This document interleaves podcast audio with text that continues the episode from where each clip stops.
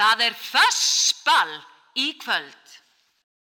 Já, það er fössball í kvöld og, og uh, gestur okkar er mætt Inga, það er hún Katrín Ír, uh, tónlistakona. Við ætlum að byrja á því að heyra aðeins já, í henni ekki bara spjallandi, heldur syngjandi.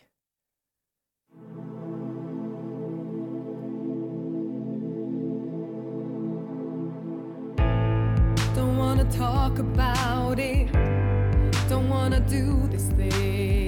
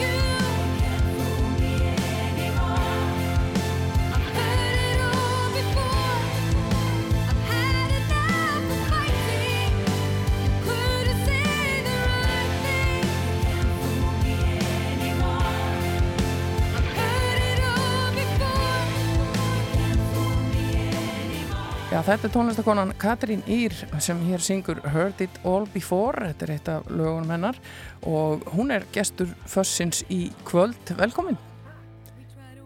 Hún er gaman að fá því hérna til okkar því að þú ert nú svo sem ekki á klaganum alla daga. Nei, ég er sérst bí í London Já, og er heima núna í vikunni.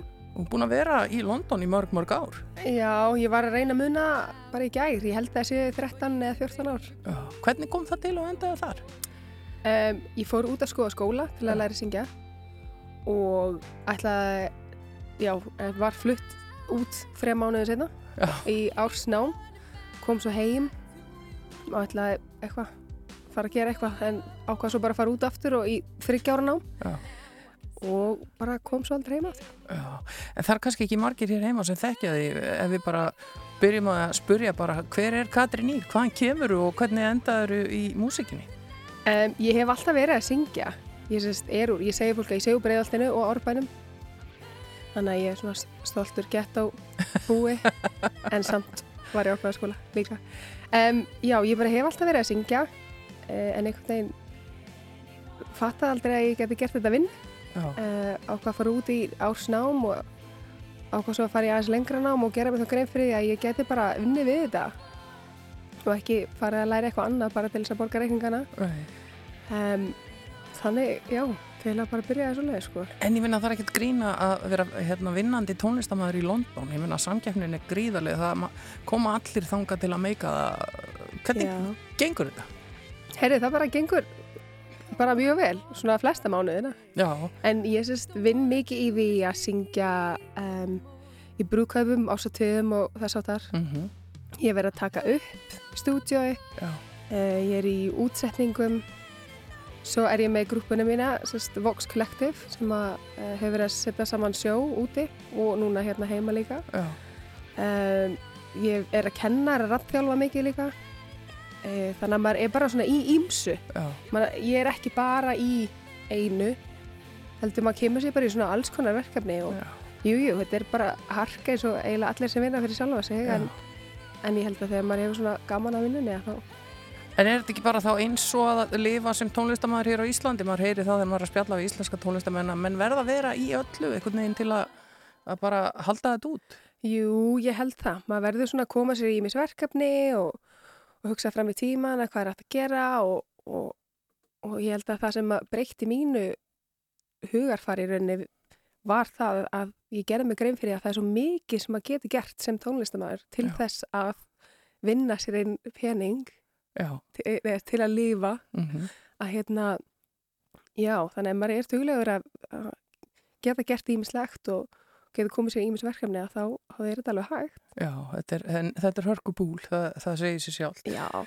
En þú ætlar að halda tónleika á morgun uh, Yes. og það er allar að heyra konur í, í rocki. Ertu rockhundur? Já, ég er reyndar, þeir eru svona svo fyndi, ég byrjaði í Guns N' Roses og Nirvana og Skunk Anansi og, en svo var ég líka að hlusta á Celine Dion.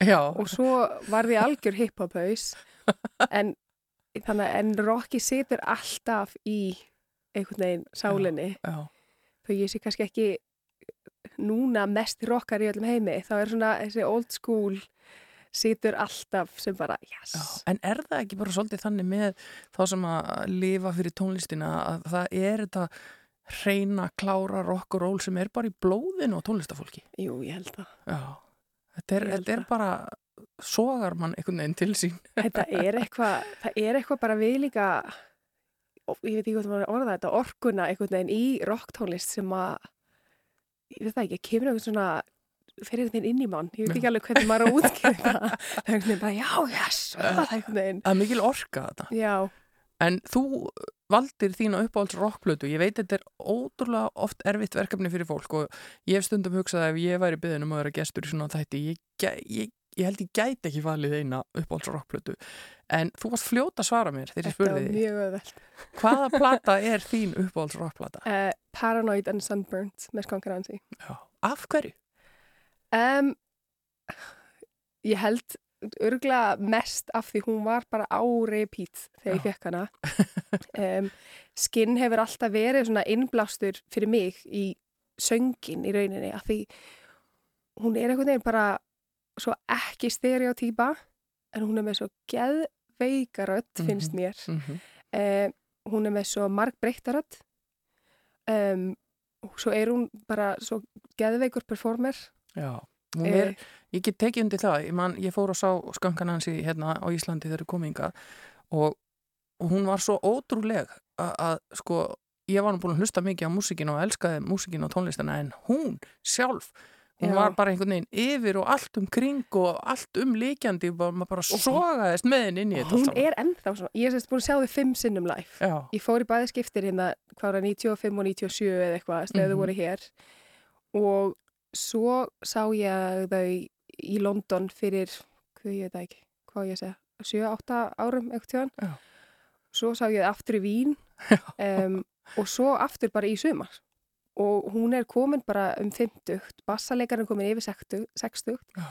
og hún er ennþá að krátsverfa og Ekkert hlaupandum og af. al, bara ekki neitt Nei. og hún, þetta hefur ekkert breyst og, og já, ég var veginn bara aktofa einhvern veginn bara, bara oh my god, þetta er enda, bara vá, ég ætla að vera eins og þú þegar ég er orðin 50 ákvæmlega. Þú valdi tvö lög af plötunni og, Mm. og við ætlum að- heyra fyrra lagi núna sem að heiti Charity. Uh, hvað getur þú sagt okkur um þetta lag? Hvor er það uppáhaldi? ég, þetta var lagið sem ég söng örgulega mest með um, það er eitthvað við aftur einhvern veginn bæði textan og einhvern veginn lagið sjálf, það fer svona upp að niður það er svolítið svona chillað og svo verður það alveg brjála rock og það er einhvern veginn þetta, ég held að reyði úlingurinn í mér hafi elskað þetta svo mikið að þetta var svona, nei, þetta er allt til læginu kemur allt í hennu Þetta er sveifluna, hormóna Já, sveifluna. þetta er einhvern veginn og svo er hún eitthvað svo bara ógislega cool þegar hún er að syngja þetta. Þetta Já. er eitthvað svona, já, ég held að sé bara einhvern veginn allt við þetta lag sem að fekk mig til að velja það. Við skulum heyra Charity.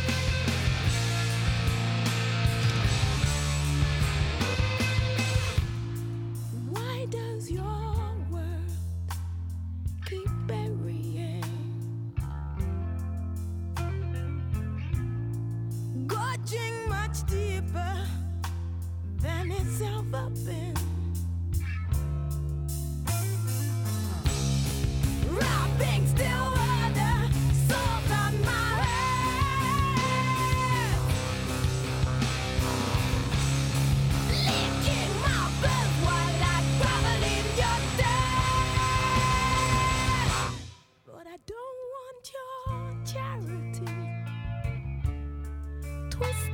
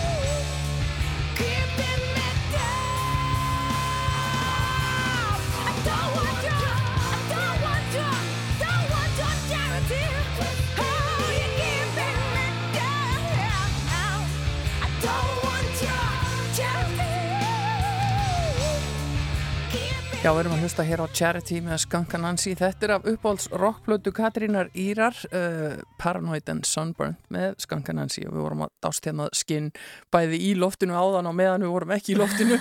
við erum alveg jafn veika fyrir henni, það er alveg á hreinu. En uh, þú ætlar að halda tónleika hér á Íslanda morgun í Já. Hard Rock Café kjallaranum á annarkvöld. Já. Og uh, hverju verður að spila þarna með þér og hvað ætlar að uh, spila? Um, við sem sagt ætlum uh, tónleikar heita Konur í rocki Mm. og ég og Erla Stefáns, bassaleikari, settum saman sérst, í rauninni þetta prógram með tónleikana um, og okkur langaði bara að taka tónlist sem eru svona, ég veit ekki, ég kalli þetta drottningar rocksins en þetta er alveg allt frá svona aðeins meira eh, nútíma í við erum að taka Bonnie Tyler og við erum að taka Janis Joplin og Tina Turner og Blondie um, ég hef nú ekki sagt að ég ætla að hafa þessu surprise, kannski ekki, ég vil líka taka grílunar um, það eru bara geggjað, meðmæli. Já, og uh, Skanka Nancy, Paramore, Evanescence, Alanis Morissette. Já. Að það er allur skallin bara. Já, þetta er rosalega mikið singalong og ég sést, mér finnst miklu skemmtlegri þegar fólk er í mómentinu, ef þau vil syngja þá má það syngja. Bara, og þetta er svo mikið prógram að ég held að fólk er eftir að labba út rallust. En ég meina, hvað er betra á lögataskvöld en að að fara í hardrockkjallaran og, og syngja sér hásan á, á rocktónleikum ég Já, það, það er bara geggjað er mér lakar alveg að gera Já. En ertu svo bara farin út aftur fljótlega og, og, og snýrið aftur til starfa í London? Já, við förum út eftir að mándags morgun. Sérst kæristi minn er með mér Mm. og ætlar að spila á trömmur með okkur og við, já, við fljúum aftur út á mándag. Þannig að, þetta er bara stutt stopp en, en gaman að fá að stíga á svið og, og, og kynna því svolítið fyrir Íslendingum. Þú, þú ert ekki mikið búin að koma fram hérna undanfærin ár. Nei, ég hef verið, sem sagt, uh, talandi um úrrokkinu eitthvað annað, ég hef verið sem sagt Adele heiðustónleika Já, ég man eftir því að þú hefur komið og gert það. Já, og það gekk rosalega vel, en ég var einmitt að upp, við alveg, já, nátt svona síðan, það eru tvö ár að ég var síðast með tónleika, en við sem sagt, erum búin að plana strax aftur aðeins á næsta ári, um, þannig að verða ekki tvö ár. Það verður ekki tvö ár, Til hvenær næstu næst. tónleikar. En, en svo eins og við heyrðum hér í upphafi spjálsins, þá ertu líka að semja tónlist. Þú ert ekki bara að flytja tónlist annara, þú semur þín eigin lög. Já, ég sérst, uh, þegar ég flutti út hafði aldrei samilag og einhvern veginn gerði mér ekki grein fyrir að ég hefði þá hæfileika ég, en hérna í skólan þurftu við að taka lagasmíðar og þetta er rosalega skemmtilegt einhvern veginn, þetta er svona smá þerapja Mm eða svolítið mikil þerapja finnst mér allavega. Og ég sérst byrjaði að semja og hafði bara ógeðslega gaman að því og byrjaði að semja fyrir aðra. Og eins og lægi sem spilaði ráðan það allavega var upphaflega samið fyrir annan tónlistamann Mm. en ég vildi bara halda það fyrir sjálf, sjálfa mig. Um, og svo gaf ég út sérst EP-plötu fyrir þrem eða fjórum ára síðan. Mm. Eh, það verður aðeins hægar að laga smiðum svona undanfarið bara búin að vera fókusa, ég er búin að gera mikið af verkefnum með Vox Collective. Um, en ég er komin aftur inn í að semja þannig að múnandi kemur eitthvað út á næsta ári Þetta er spennandi og, og, og gaman að fá þið til okkar og við erum heppin að þú skildi vera hérna akkurat þegar, við erum í loftinu. Já, takk bara, takk fyrir að hafa mig Við ætlum að enda á uh, hinulæginu sem þú valdir af uppáhalds rockplutuninni með. Skankanansi. Uh, rétt árum við förum í það. Tónleikarnir eru á Hard Rock Café annarkvöld. Hvenær byrjiði og hvar fær maður miða og hvernig virkar þetta allt um, saman? Miðasalni tix.is uh, getur líka að fara inn á Facebook uh, bara slegja einhverju rocki og þar finnir þið meir, fleiri upplýsingar húsið opnar klukkan 9 og Mhm. við byrjum klukkan 10 og verðum sveitt á sviði til örglega svona minnættis Allavega það. En þú valdir, setnalægið af plötuninni er uh, Week Yes og þú ætlar að taka það annarkvöld. Já, Farið í þessa stóru skó. Já, ég á það til að fara í nokkur númerum og stór. en af hverju þetta lag? Ég, sko, ég satt með lista af skongarhansi lögum sem ég langaði til að taka en mér finnst þetta lag henda mér Mhm. mjög vel. Það er textin, eh, þegar ég heyrði þetta lag fyrst átti mjög vel við mig og mitt líf og mér finnst gaman að syngja það og það kemur svolítið frá hjartanu þegar ég fæ að syngja og ég fæ ekki að syngja svona tónlist live oft Á hverjum degi? um, þannig að já, það er eiginlega stærsta ástæðin fyrir að það lag var fyrir valinu Já. Takk fyrir að koma til okkar Katrín Ír og gangiði vel með tónleikana á Hard Rock Café annað kvöld. Konur í rocki, þið finnið þetta allt saman á Facebook. Endum á uh, Skankanansi hérna og Week, þetta er af uppáhalds rockplutinni. Takk fyrir mig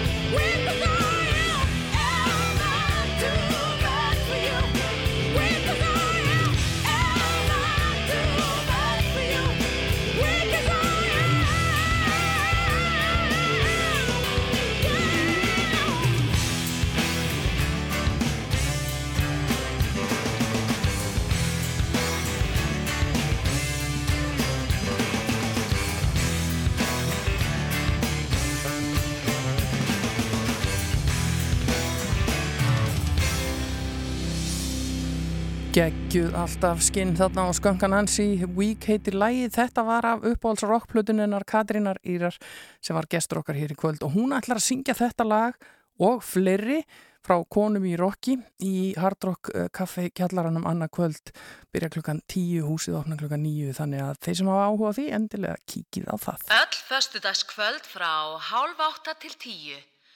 Þess